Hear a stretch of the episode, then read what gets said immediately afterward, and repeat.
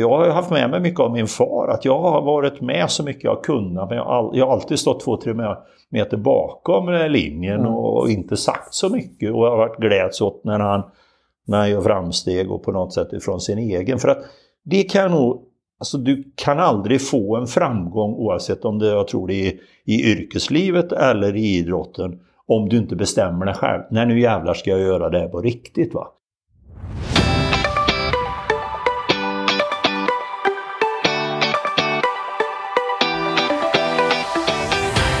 Hej och välkommen till en podd om yrkesstolthet. Där jag idag pratar med Björn Johansson som är styrelseordförande i bland annat klädföretaget Nuri Jeans, utbildningsföretaget Alliator, coachföretaget Guided Heroes och dessutom tidigare OS-atlet. Ja, jag heter Samuel Lundén och jag har skapat den här podcasten för dig som är intresserad av att lyssna på människor som helt enkelt är riktigt bra på sina jobb och dessutom stolta över. Tjena Björn! Tack så mycket att jag ska få vara med. Vad, det, det, det, är ganska gediget, eh, en gedigen introduktion här. Ehm, och jag tänker vi ska prata lite grann om den resan. Ehm, för det finns någonting där i och jag är väldigt nyfiken på det här just med OS-atleten här bakom. Du ska, vi ska återkomma till det. Du kan väl börja med att berätta lite grann om vem du är Björn? Som sagt, Björn Johansson heter jag. Eh, ska fylla 58 i år. Jag är eh, född i Vänersborg. En liten stad. Pärla va? Ja, Pärlan. Eh, längst ner i Vänerns eh, södra del. Eh, uppvuxen där och eh, bodde där fram till 1984. Så, så det var där jag började min eh, idrottskarriär då egentligen med att eh, som 7-8-åring börja skriva, springa terränglöpning. Jag åkte längdskidor. Jag började spela ishockey ganska tidigt när jag var 10 år. Eh, började cykla när jag var 11. Mm. Slutade att cykla när jag var 11. Eh, spelade ishockey fram tills jag var 17. Och jag spelade också lite fotboll, provade orientering. När jag var 15 år igen så, så eh, började jag cykla igen som 15-åring. Eh, var avhängd i starten i två år och var väl, tror jag, Sveriges sämsta cyklist då, som ungdomscyklist. Jag kom i mål ibland när de plockade ner målskynket. Då. Men efter de två åren som utklassare så, så valde jag att det här vill jag satsa på den idrotten. Och då spelade jag också ishockey på vintern och valde bort det. Varför, varför valde du cyklingen då? väldigt svårt. Det verkar lite korkat efter den. Det var ju inte på, på att jag tyckte att jag var lovande direkt. Men på, jag hade ju då spelat och spelade fortfarande ishockey. Men valde då inför första året junior då att, att nu, nu väljer jag bort hockeyn och satsar 100% på cyklingen då. Så att jag har provat då ett antal idrott men inför första års junior då när man är 17 så efter de här 15-16 år då när jag var ungdomsklassare och då bland de sämsta så bestämde jag mig väl ändå så för att ja, fan det här vill jag testa. Eh, vet inte varför, hade vi kanske inte riktigt... Eh, jag, tror, jag tror att det var det här individuella och, och, se hur långt jag kunde ta min prestation på något sätt. Jag hade ju inte som sagt bästa förutsättningarna. Eh, kanske sent utvecklad och, och lite sådär va? Men, men, men på något sätt det var inte så att mina tidiga meriter tände mig att gå vidare. Sen har jag haft ett otroligt stöd. Min pappa har ju cyklat en gång i tiden och åkt skidor och så här. Och alltid, han var ju han var ju väldigt glad när jag cyklade när jag var 11 och inte lika glad när jag slutade. Men han var med och körde till alla de här idrotterna. Han har aldrig, aldrig pushat mig eller något sånt där. Utan, men när jag kom hem och sa när jag var 15 år att nu ska jag börja cykla igen, då, då sken han ju upp då. Så att han har ju funnits med i bakgrunden hela tiden. Var det landsvägscykling? Landsvägscykling var det ju då. Heter det fortfarande så? Eh, förlåt? Heter det fortfarande så? Ja men det, det gör ja, det ju. Ja. Alltså att, att, att, och då körde man på den tiden faktiskt eh, som, som första 25 mil tempo. Man körde 12-13 mil linjelopp då.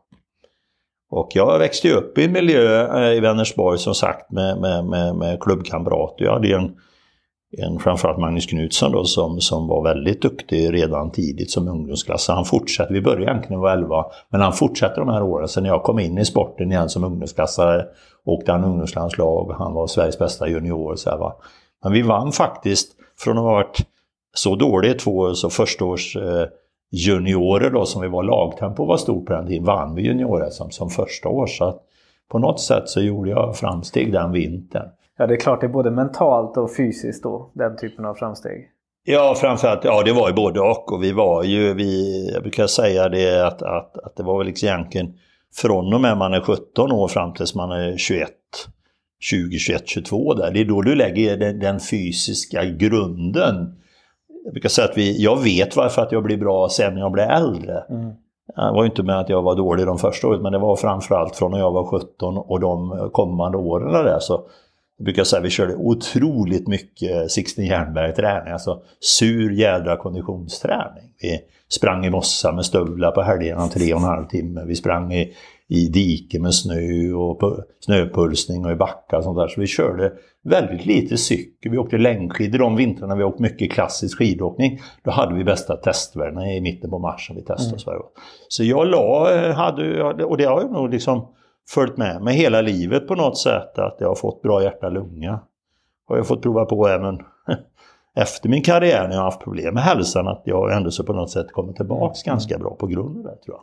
Så jag la nog mycket av, av mitt tänk och, och, och utmana mig själv och framförallt inte byggt upp min framgång eller vad man nu ska säga, eller min prestation på andra människor. Utan jag har på något sätt lärt mig ganska tidigt vad, vad kan jag plocka ur min egen kropp på något sätt och därifrån maxa det. Och sen har jag varit väldigt lyhörd, så här kan man göra, men jag har haft en inre kompass tror jag.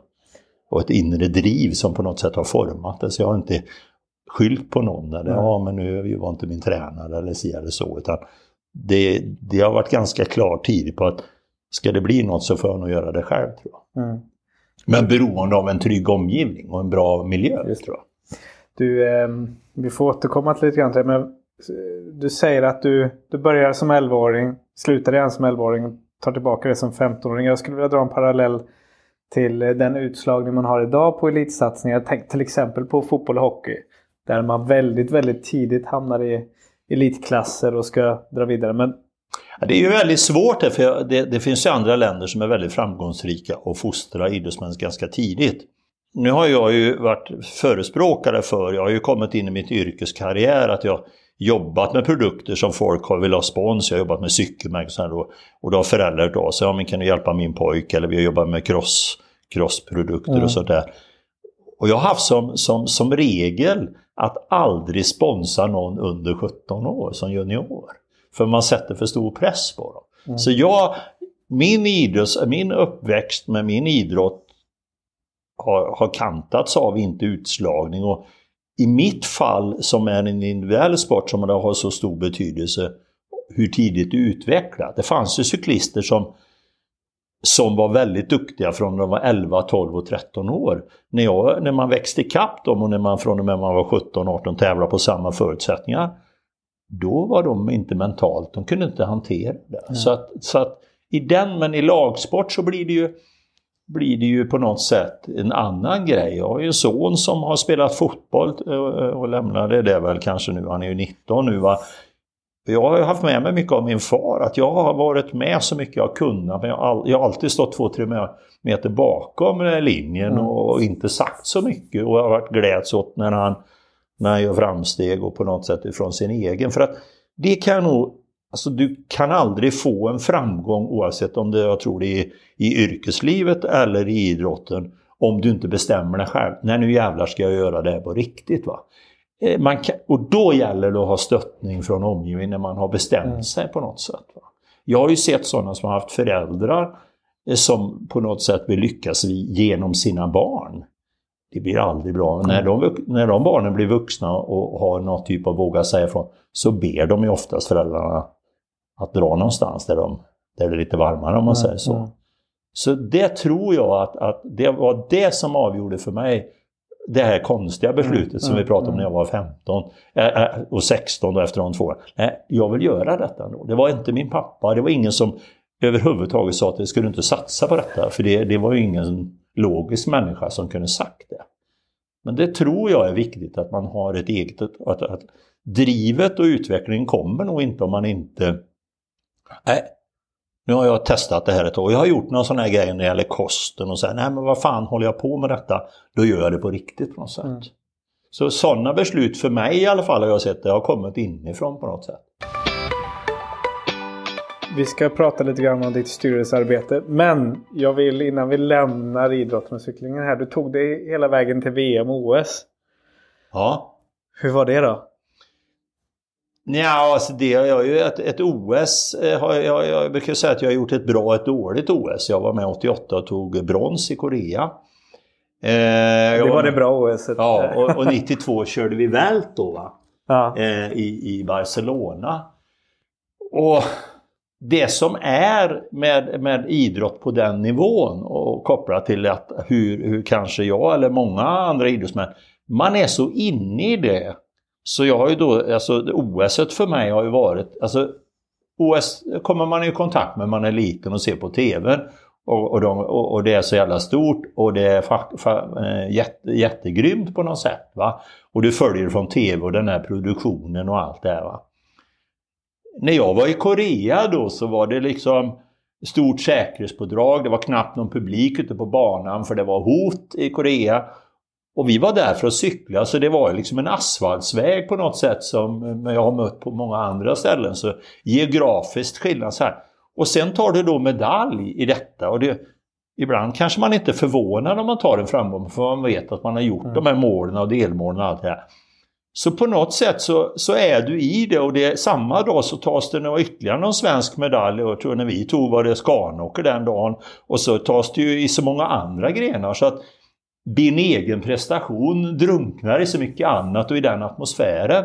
Så du fattar inte riktigt vad var det vi gjorde förrän du ringer hem och det blir lite hysteri. Ja men ni har ju tagit medalj och det är så stort va. Men det är det inte där nere och det är ju ofta så oavsett om det är ett OS då eller andra framgångar man har nått så då har man kämpat så länge för det så det blir en jävla tomhet bara. Va? Mm. Man är så inne på resan dit och, och jag varit med om det vid några andra tillfällen. Jag har vunnit SM till exempel och året innan var jag matförgiftad. Så jag blev inte sådär jätteförvånad. Jag bara, vad ska jag göra nu? Det låter kanske lite sådär va, men det har inte bara med OS men, men det har lite med när man når, jobbar mot ett mm, mål så mm. länge och är så fokuserad och skalar bort det andra. Så när du väl når det då av, av kanske du blir överraskad eller så blir du inte överraskad. Så, så, så ja, men så här är det nog. Och så är det andra som gör det och då tycker du inte att det är så stort faktiskt. Nej, det, ja, jag vet inte, men, ja, men, men, det är, klart att efteråt när man...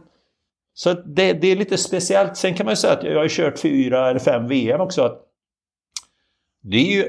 OS får ett helt annat genomslag. Jag menar, vi var trea Eh, jag ska inte prata om doping för det gör så många andra cykel men, men Östtyskland vann före Polen med 7 sekunder och vi var 1,50 efter. Men vi var bara 2,3 sekunder före Frankrike som var fyra. Mm. Så hade vi, inte, vi hade ju säkert inte pratat om OS idag om, inte, om, om vi inte hade blivit trea. så att det är så små, men det är det som är tjusningen tycker jag med idrott. Va? Så att, att du kan vi kommer kanske in lite på ledarskap ja. sen också. Idrotten är så otroligt krass i att träna, slutar du träna och alla är duktiga så ska du vara med nästa år igen så får du ligga på och till och med ännu mer. Mm. Det är så direkt på något sätt. Du är aldrig bättre än det sista resultatet. Nej, det där är jätteintressant. Så, så, så, så, jag, så nej, men det, det, har ju betytt mycket för mig, eh, idrotten så. Men, men jag är lite så, jag var, när jag slutade det 92, det hade inte med OS att göra att vi, vi, vi, vi körde bort oss. Utan jag hade bestämt mig ett och ett år innan att då, jag är klar då. För jag kände motivationen, jag hade motorn, jag hade fysiken, men viljan att använda motorn var för lite. Jag gjorde det för få tillfällen. Men jag var fysiskt sett bra, otroligt bra 92. Även då till OS, men då var det ju liksom en vurpa som sätter käpparna i hjulet mm. för att stå. Men, men, men så på något sätt så jag är då lite så, då stängde jag då. Jag hade inte ett spår i min bostad, ingenting efter att jag var på Idre. Det fanns inte en bild från den tiden. Jag har legat i ett förråd i Vänersborg. Gör det fortfarande? Nej, nu har jag faktiskt byggt ett vuxendagis eller en, en mancave i mitt sommarhus i Ljungskile. Ja. Eh, en, ett gästhus med cykelverkstad och lite... Ja, det tycker jag. Det har du gjort det förtjänt av. Ja. Vad va, va händer där då när du har liksom lagt så enormt mycket fokus på idrotten? Och nu förvisso var det ingen överraskning eftersom du hade bestämt dig att du skulle lägga cykeln på hyllan. Eh, vad va, va händer då? När... Ja, det är en omställning. Alltså i mitt liv då, detta var 1992 som sagt. Hur gammal var du då? 29 år. Och jag hade bestämt mig ett och ett halvt år innan då att jag skulle sluta och ägna mig åt, jag var anställd på, på, på Luna i Allingsås och jag skulle gå en med... verktygsgrossist. Och jag skulle läsa på IM och jag skulle ägna mig att jag hade ungefär 180-190 resdagar om året. Och, och, jag skulle börja på Luna men då blev jag erbjuden ett jobb då på Rex i Halmstad, en cykelfabrik. Av antal anledningar så blev det att jag tog det ändå. Eh, min far som jag nämnde förut som har betytt otroligt för mycket för mig. Eh, jag hade liksom tänkt att betala tillbaks på något sätt att, att eh, min, eh, jag var förlovad på den tiden. Och, och, min pappa och mamma hade ställt upp. Men, men, men det var liksom, 92 var en speciell utmaning för min pappa fick cancer eh, 92, mitt sista år. Och det, det, det var, och han var lite för ung också då, han var bara 57 faktiskt. Så, så, så, så det här som jag hade sett fram emot när jag skulle sluta, han gick bort för årsskiftet eh, 92-93. Och jag skulle börja jobba och, och, och, jag separerade och jag förlorade en massa pengar på bostäder och så här. Så det här jag hade sett fram emot, det var, det var, det var inte kvar på något mm. sätt. Så det var, så det var, min övergång från, från, så här, från idrotten till det civila blev väldigt, väldigt speciellt. Mm. Eh, det blev faktiskt jobbet som räddade mig. Jag började jobba i Halmstad och gick in i det som, som, som bara den. Va? Mm. Så jag tror min envishet och målmedvetenhet tog mig igenom det som jag hade sett fram emot detta länge. Det var i stort sett borta när jag var framme. Så mm. det, det, var, det var lite speciellt. Eh, sen är ju den övergången, jag vet att det pratar man mer om idag, att idrottsmän har svårt ibland för att, mm. för att, för att ta det här steget över det civila. Eh, jag kände, jag kände ju Mick, eh, Micke Ljungberg då som tyvärr mm. Eh, fick inte riktigt den övergången som, som man skulle ha. Och det är det, det liksom, du är kanske en del är så förknippade med den idrottsframgången och, och den att det ringer i telefonen och du uppvaktar då alla och sen finns inte det längre. Och, då, och, då, och så ska du anpassa dig och försöka leva ett civilt liv. Det är inte alla som fixar det. Jag hade bestämt mig, jag har sett att jag, men, men, men jag fick ytterligare någon utmaning i det och det kanske var att nu jävlar får du bestämma dig för att nu fixar du detta. För det fanns inget mellanting. Men det är nog jättesvårt att gå bort sig där. Eller enkelt menar jag, att gå bort sig. Om vi lämnar idrotten, ja. Eh, vi kan prata om det länge. Ja. Men eh, du säger idag att du är styrelsearbetare och jobbar framförallt med ägarledda bolag. När vi pratade inför det här så, så sa du att tidigt i din karriär sa du att du aldrig någonsin skulle göra det. Nej, det är ju många saker jag har sagt som, som säkert många kommer slå mig på näsan. Det, det skulle du ju inte göra. Men Nej. Då när jag slutade eh, 92 så började jag 14 år efter min sista, jag körde, då, då körde Nordiskt mästerskap i mm. Halmstad. 14 år efter började jag på Rex i Halmstad. Det var Nordens äldsta cykeltillverkare. Det var då på den tiden tre ägare och efter ett tag tre barn också ja. i företaget. Till de här ägarna.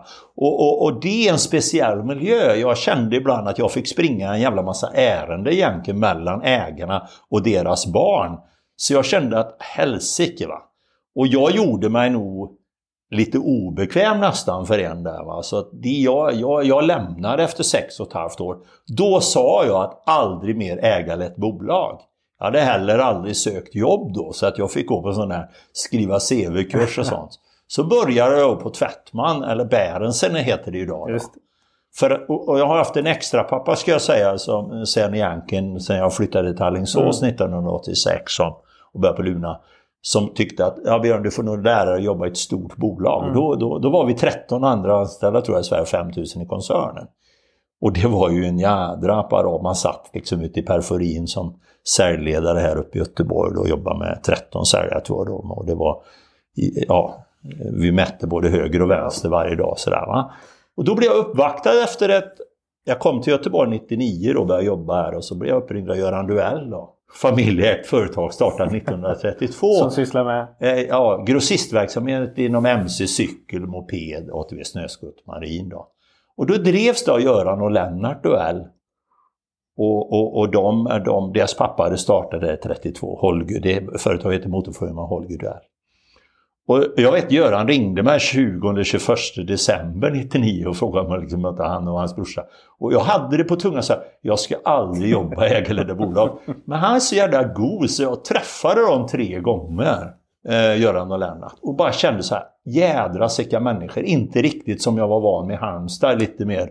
Här var jorden, och jag kände, jag vill jobba med de gubbarna. Mm. De var alltså, och, och, då hade, och då var 45% av omsättningen var MC. Och jag är kass på motorer, aldrig varit i en MC-butik. va. Så jag tackade ja till det och började då i februari 00 som försäljningschef där.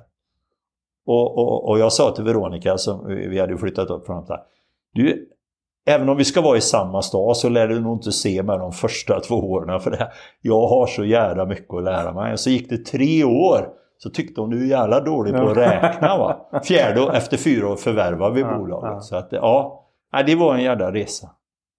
Och jag, jag kan ju också eh, relatera till det. Jag har jobbat i både ägarlätt och noterat och det är ju oerhört stor skillnad. Ja. På, det finns ju såklart uppsidor på båda sidorna men det Idag skulle jag aldrig kunna tänka mig att vara i någon annan miljö än ägarledda bolag. Jag, jag, alltså det, det, jag, jag ska inte raljera och dra olika grupper och så här, men jag har ju träffat en och annan storbolagsmänniska som är fostrad i en annan miljö, som har kompetens som överstiger mitt säkert eh, hela leverne på något sätt. Va? De har en tendens ibland att komma in i sådana här företag och inte ta sig tid Nej. att lära sig. Så det deras kunskap hinner de aldrig applicera. Det, jag brukar säga att det blir som ett flöte som åker upp till ytan. Management ganska långt upp och så är det mycket ner till själva sänket. Där är verksamheten. Det blir ett jävla tomrum där på något sätt. Va? Så de är duktiga men har sina modeller och så, så hinner de inte applicera det. Och det kan skada företag. Jag har sett företag det har skadat och sådana som inte finns idag. Ja. Så, så jag säger inte att de är dåliga, men de, de, och ibland är det ju nästan ännu värre sådana som då har jobbat i sån miljö och kanske på vd-nivå. Ja, de har ju relativt lite självkritik också. Vilket inte är så bra egenskap. För att man, vi pratade ju om idrotten förut, alltså har du inte ordning på, på vad du kan prestera och vad du kan bli bättre på och, och se vad det inte är, då är du borta. Va? Det är så direkt på något sätt. Va? Det är svårt att gömma sig. Absolut. Men det, det, men det kanske... Man kan gömma sig lite längre då på företagen. Jag säger inte att det är så. Men, men, nej, men, nej, men jag förstår min det. lilla erfarenhet, liksom, ja. ja, ja. Vad, vad hände sen då i, i din... Eh...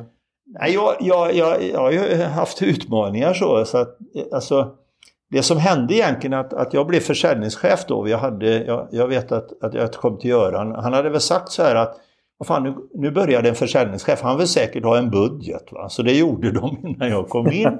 Och så skulle jag göra min första telefonlista vet jag.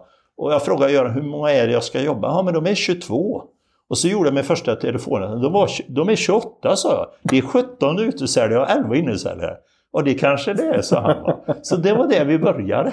Och väldigt, och vi, vi, vi, vi omsätter tror jag, 200 miljoner på mitt ansvarsområde. Tre år senare omsätter vi 300. Så, så, så det var väl liksom att, och sen fick vi då köpa bolaget. Ja, det är också en historia, det kunde vi gjort en poddserie om kanske, jag vet inte. Men, men det, det, ja, det, det gör man normalt inte, köper som stor företag. Men vi gjorde det ändå. Ja. Otroligt roligt och fick med mig då Thomas Wahlberg in som, som min kompanjon. Mm. Då. Jag hade varit där i fyra år innan. Han var tio år äldre än mig. Och blev då VD och jag jobbade vidare som försäljningschef då. Sen hade jag, alltså jag upptäckte förmaksflimmer 2001 så jag jag körde ju egentligen fram till 2010 när Thomas gick hem. Då tog jag över som VD.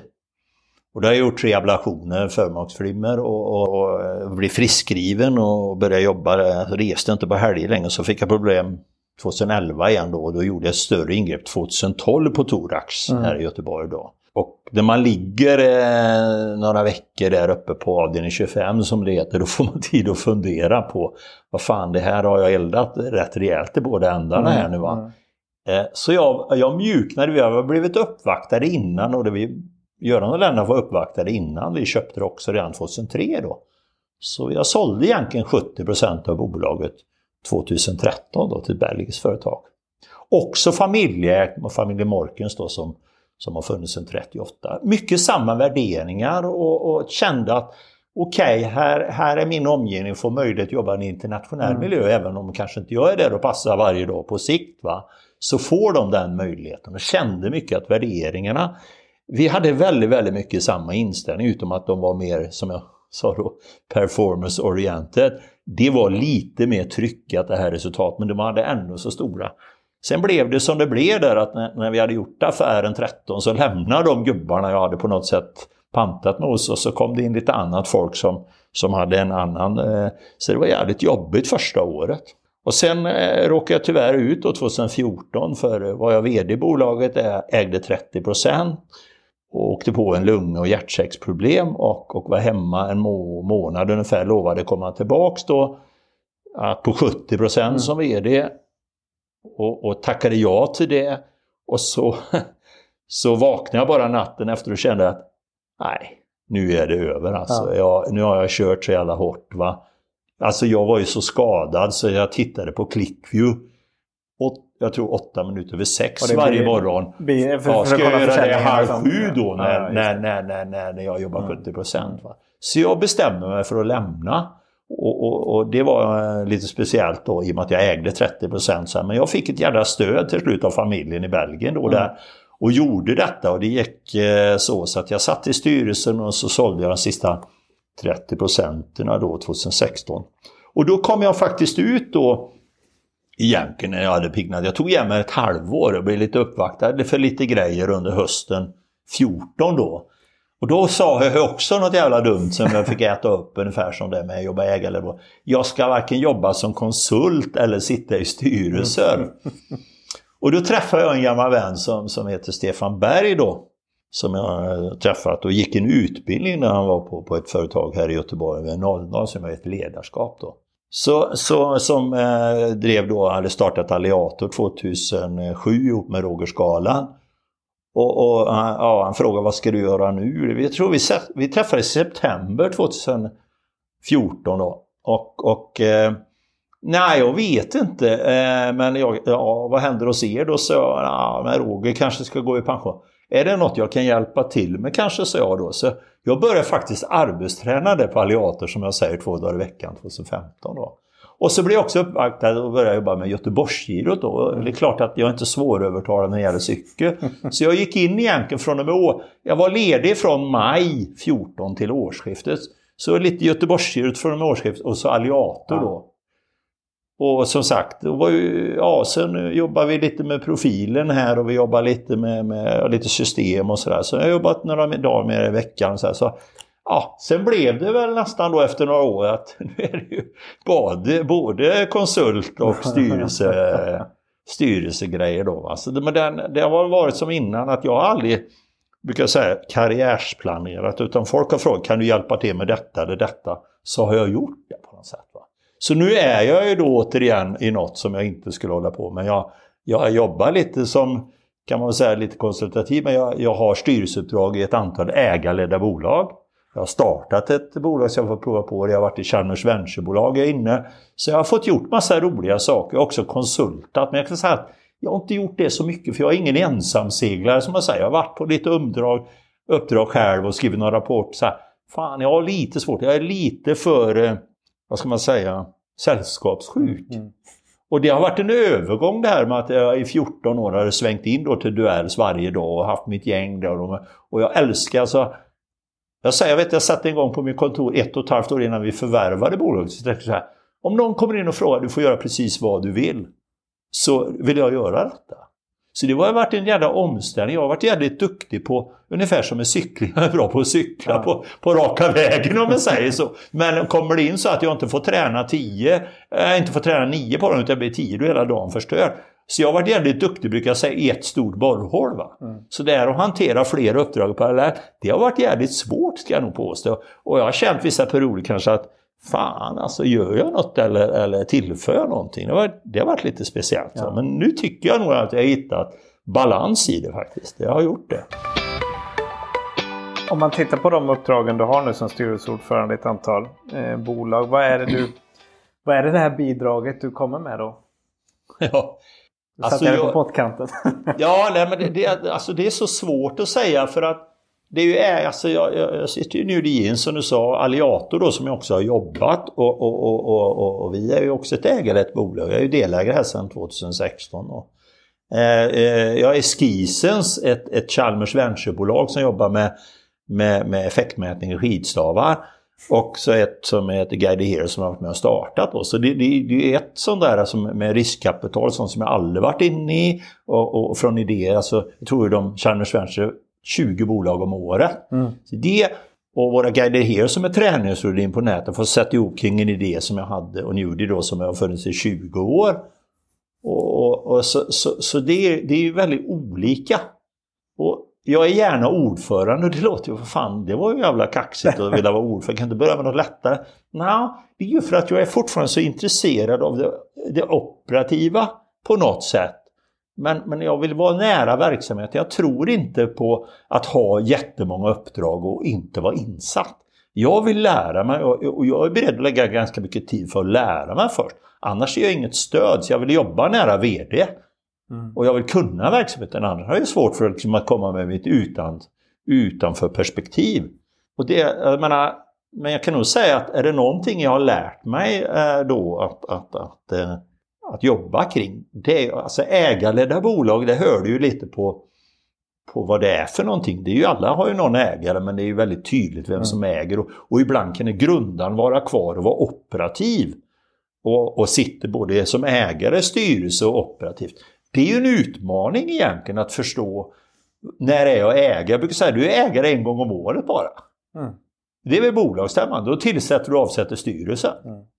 Och sen styrelsen då, de styrelserna ska egentligen jobba med det som är bolagets bästa. Mm. Det är inte alltid enskilda ägares bästa. Och, och sedan då så, så styrelsen, om man nu ska säga ha en arbetsuppgift, det är ju inte bara den, ja, men det är tillsätta och avsätta VD. Det är väldigt enkelt den bolagsordningen. Kan man lära sig den eller all, alla, alla, alla vet rollerna och vad det är vi pratar om just då, det tror jag är viktigt. Sen tror jag ju ägardirektiv, alltså ägarens vilja. Vad vill du med företaget? Det är jätteviktigt att ha koll på. Sen är det ju så här att jag tror att, och där är en stor skillnad. Jag, jag har ju så mycket förutfattade meningar. Det hade jag. Jag ska inte vara konsult på grund av det och det. Jag ska inte sitta i styrelsen på grund av det och det. Jag vill inte vara. Och det är ju för att jag har haft någon konstig bild av de rollerna utan att jag varit påläst om det. Men jag tror att när det gäller just styrelsearbete så är det så att det rekryterar man ju till idag på ett helt annat sätt. Förut brukade jag säga, om jag ska raljera, ja, jag är någons jaktlag va, så jag sitter i hans styrelse på något sätt. Va? Ja, och så har man en 20 olika styrelseuppdrag. Nu, nu är jag väldigt speciell när jag säger så, va? för det är ju inte så. Va? Men, men bara för det liksom att, jag tror att, okej, okay, vad, vad, ska bolaget göra för resa nu? Du måste ha koll på det.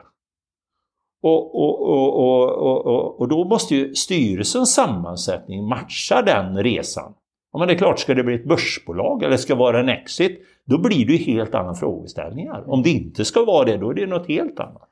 Sen är ju den här saken att jag tror att jag har ju lärt mig det, vad, vad är det som kan skälpa ett starkt, starkt bolag? Det är ju liksom om det blir på något sätt friktion mellan ägarna till exempel kan ju bli väldigt, väldigt dramatiskt om, om, om, om, om de kommer i otakt.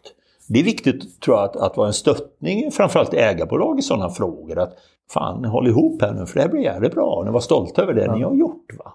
Vi, det tror jag är viktigt. Vi, pratar ju, vi har tidigare pratat om det här du att det, man sitter inte i en styrelse utan man arbetar i den. Ja, jag tror det är också viktigt. Vad, vad skulle du ha för tips till eh, till företagaren där ute som känner att nu är det dags att ta in en professionell styrelse? Vad ska man, var, börjar man? Har man inte jobbat med styrelse så tror jag att man får hitta någon person som man känner att ja, jag tror värderingarna är väldigt viktigt. Hur är de? För att man, man, man, man lägger över ett visst ansvar på, på den personen. Formellt inte, det är inte som ägare men, men man, han ska ju på något sätt jag brukar säga att ägardirektivet ska egentligen vara manualen, eller är ju manualen för styrelse. Och det, det, det, det, är liksom det man blir bedömd av så när man jobbar i styrelsen. Så att där tror jag är väldigt viktigt att grunda det först. Att, och vi förstår att här gör vi detta och det gör vi så. Men det blir väldigt svårt om att okej, okay, vi ska ut och åka. Vart ska vi åka? Det vet vi inte. Utan vi får, det börjar där. Mm. Och sen tror jag liksom att, att, att eh, ja, forma då någon typ av gemensamt eh, eh, resa kring det. Sen då är min roll då som, som ordförande så dels så, så, så, krävs det lite tid. Det gäller att jobba nära VD. Alltså inte göra VDs jobb. Det är, det, det är mm. hans jobb. Men, men jag tror att man ska vara en stöttning och coachning. Och det, det, det, det är ju så här att han är ju en nyckelspelare ändå. Så att, eller hon. Att ska vara på banan och må bra och, och, och det ska ju funka inte bara på jobbet utan ja, måste jag ha en livssituation som gör att man, man, man på något sätt kan prestera. Och man, ska nog, man får nog vara beredd på att ta stort som smått. Mm. Jag, tror jag. Jag tänker att det här är min högst personliga reflektion men jag tror att väldigt många bolag skulle må väldigt bra när man går från ägarlätt till att man tar in sin första externa VD. Att först rekrytera en styrelse, sen en VD. Jag kan säga så här att, att, att, att man kan ju ett ägarlätt bolag lägga upp det på det sättet att det kan ju lätt bli persongrejer när man kommer in i en konstellation med tre mm. ägare. Du kan komma in i någon, ja, någon två driver fram, nej men nu måste det vara en extern styrelse och en tycker det, vi kan ju det här själva på något sätt. Va? Så man kan ju komma in i en miljö som är lite speciell. Och då kan man säga att, att, att, att ett, ett tips kunde ju vara då att vi ska förbereda bolaget för en extern VD, även om vi inte ska ha det. Ja. Då, då, då avpersoniserar vi ju de andra. Att, att då pratar vi ut, okej, okay, vad, vad har, har vi en miljö som vi skulle kunna ha en extern VD i? Ja, det kanske vi inte har. Ja, men då kanske vi måste ha ordning på ägardirektiv. Vi måste ha en styrelse och, och, och, så vi kan kravställa den personen som vi vill nu rekrytera. Mm. Och ska han kunna jobba, är det den miljön? Så då, då tror jag att då, då, går vi liksom lite förbi de känsliga frågorna och så går vi rätt på att även om vi inte ska göra det, så tror jag att ah, men vi, vi förbereder bolaget för att kunna ja, där, anställa en extern VD. Det, det tror jag är jätteviktigt. Klokt. Och vi har ju varit inne i, i case på, på Alliator. Jag var ett företag ute i Västergötland som ja, men, och, och kom dit och ja, vi borde jobba här med, med och ja, så Vi såg ju jättestora behov av att kanske byta till en extern VD och vi såg ju, om man säger, stor potential till att utbilda folk i mm. det företaget. Men jag avrådde faktiskt ägaren till att göra det bara för att jag tror du får, du får nog bestämma vilken resa du ska göra. Både för tar man in då kompetenta människor mm. och, och, och, och rent av ska utveckla dem och så vet de inte vart ska vi egentligen? Det där är jätteviktigt mm. tror jag. Och, då, då, då, och du kan komma, Alltså det har man ju hört så många som, som, som, som går då från familjeägt och jag har ju varit in, vi har haft eh, sådana som har varit här på Alliator ibland och far och son och, och så här. Man, man måste reda ut i det där lite. Mm. Ja, men det är jätte... Missförstå. Men jag tror det att man ska, man ska sätta ett tema på arbetet, mm. på resan man ska göra som inte blir umma tår för någon. Jag tror det är jätteviktigt att hitta stolt. Och, och, och, varför jag jag har kanske inte svarat riktigt på det, men varför jag tycker det är så roligt med ägarledda bolag. Det är oftast, ibland kan ju grundaren vara kvar, och, och, och det, men det finns oftast att, att jag fick förmånen för några år sedan att göra en, en generationsväxling i ett företag där sonen tog över efter pappan. Och vi gjorde det här härifrån. Och, och dels fick man ju titta på ja, man tyckte ja, men han måste bli bättre på det och det. Nej, vi gör inte om det. Han, han var sån här och då, då intervjuade jag, fick möjlighet att intervjua omgivning till den blivande VDn. Och så frågade jag sig alla de, alla de, eller ja, de var fem stycken tror jag. Vad gör de om fem år? Alla fem vill jag nog påstå ville inte vara någon annanstans. De ville bara avlasta och jag tror att det finns en otrolig inneboende kraft i många ägarledda bolag. Där det finns en grundare som har vuxit ifrån ett litet företag till ett stort företag och på något sätt tror att han ska kunna bemästra lika mycket som han gjorde när det var litet. Och så har han en omgivning som är kompetenta, inte vill vara någon annanstans än det bolaget och vill bara komma fram och avlasta. Hittar man den mekanismen att man går åt sidan och får den miljön att, att då kan det bli otroligt. Ja. Alltså släppa ut den inneboende kraften. För, för folk är så stolta och de är glada och de bara väntar på att få avlasta egentligen, om man kan förklara på det sättet.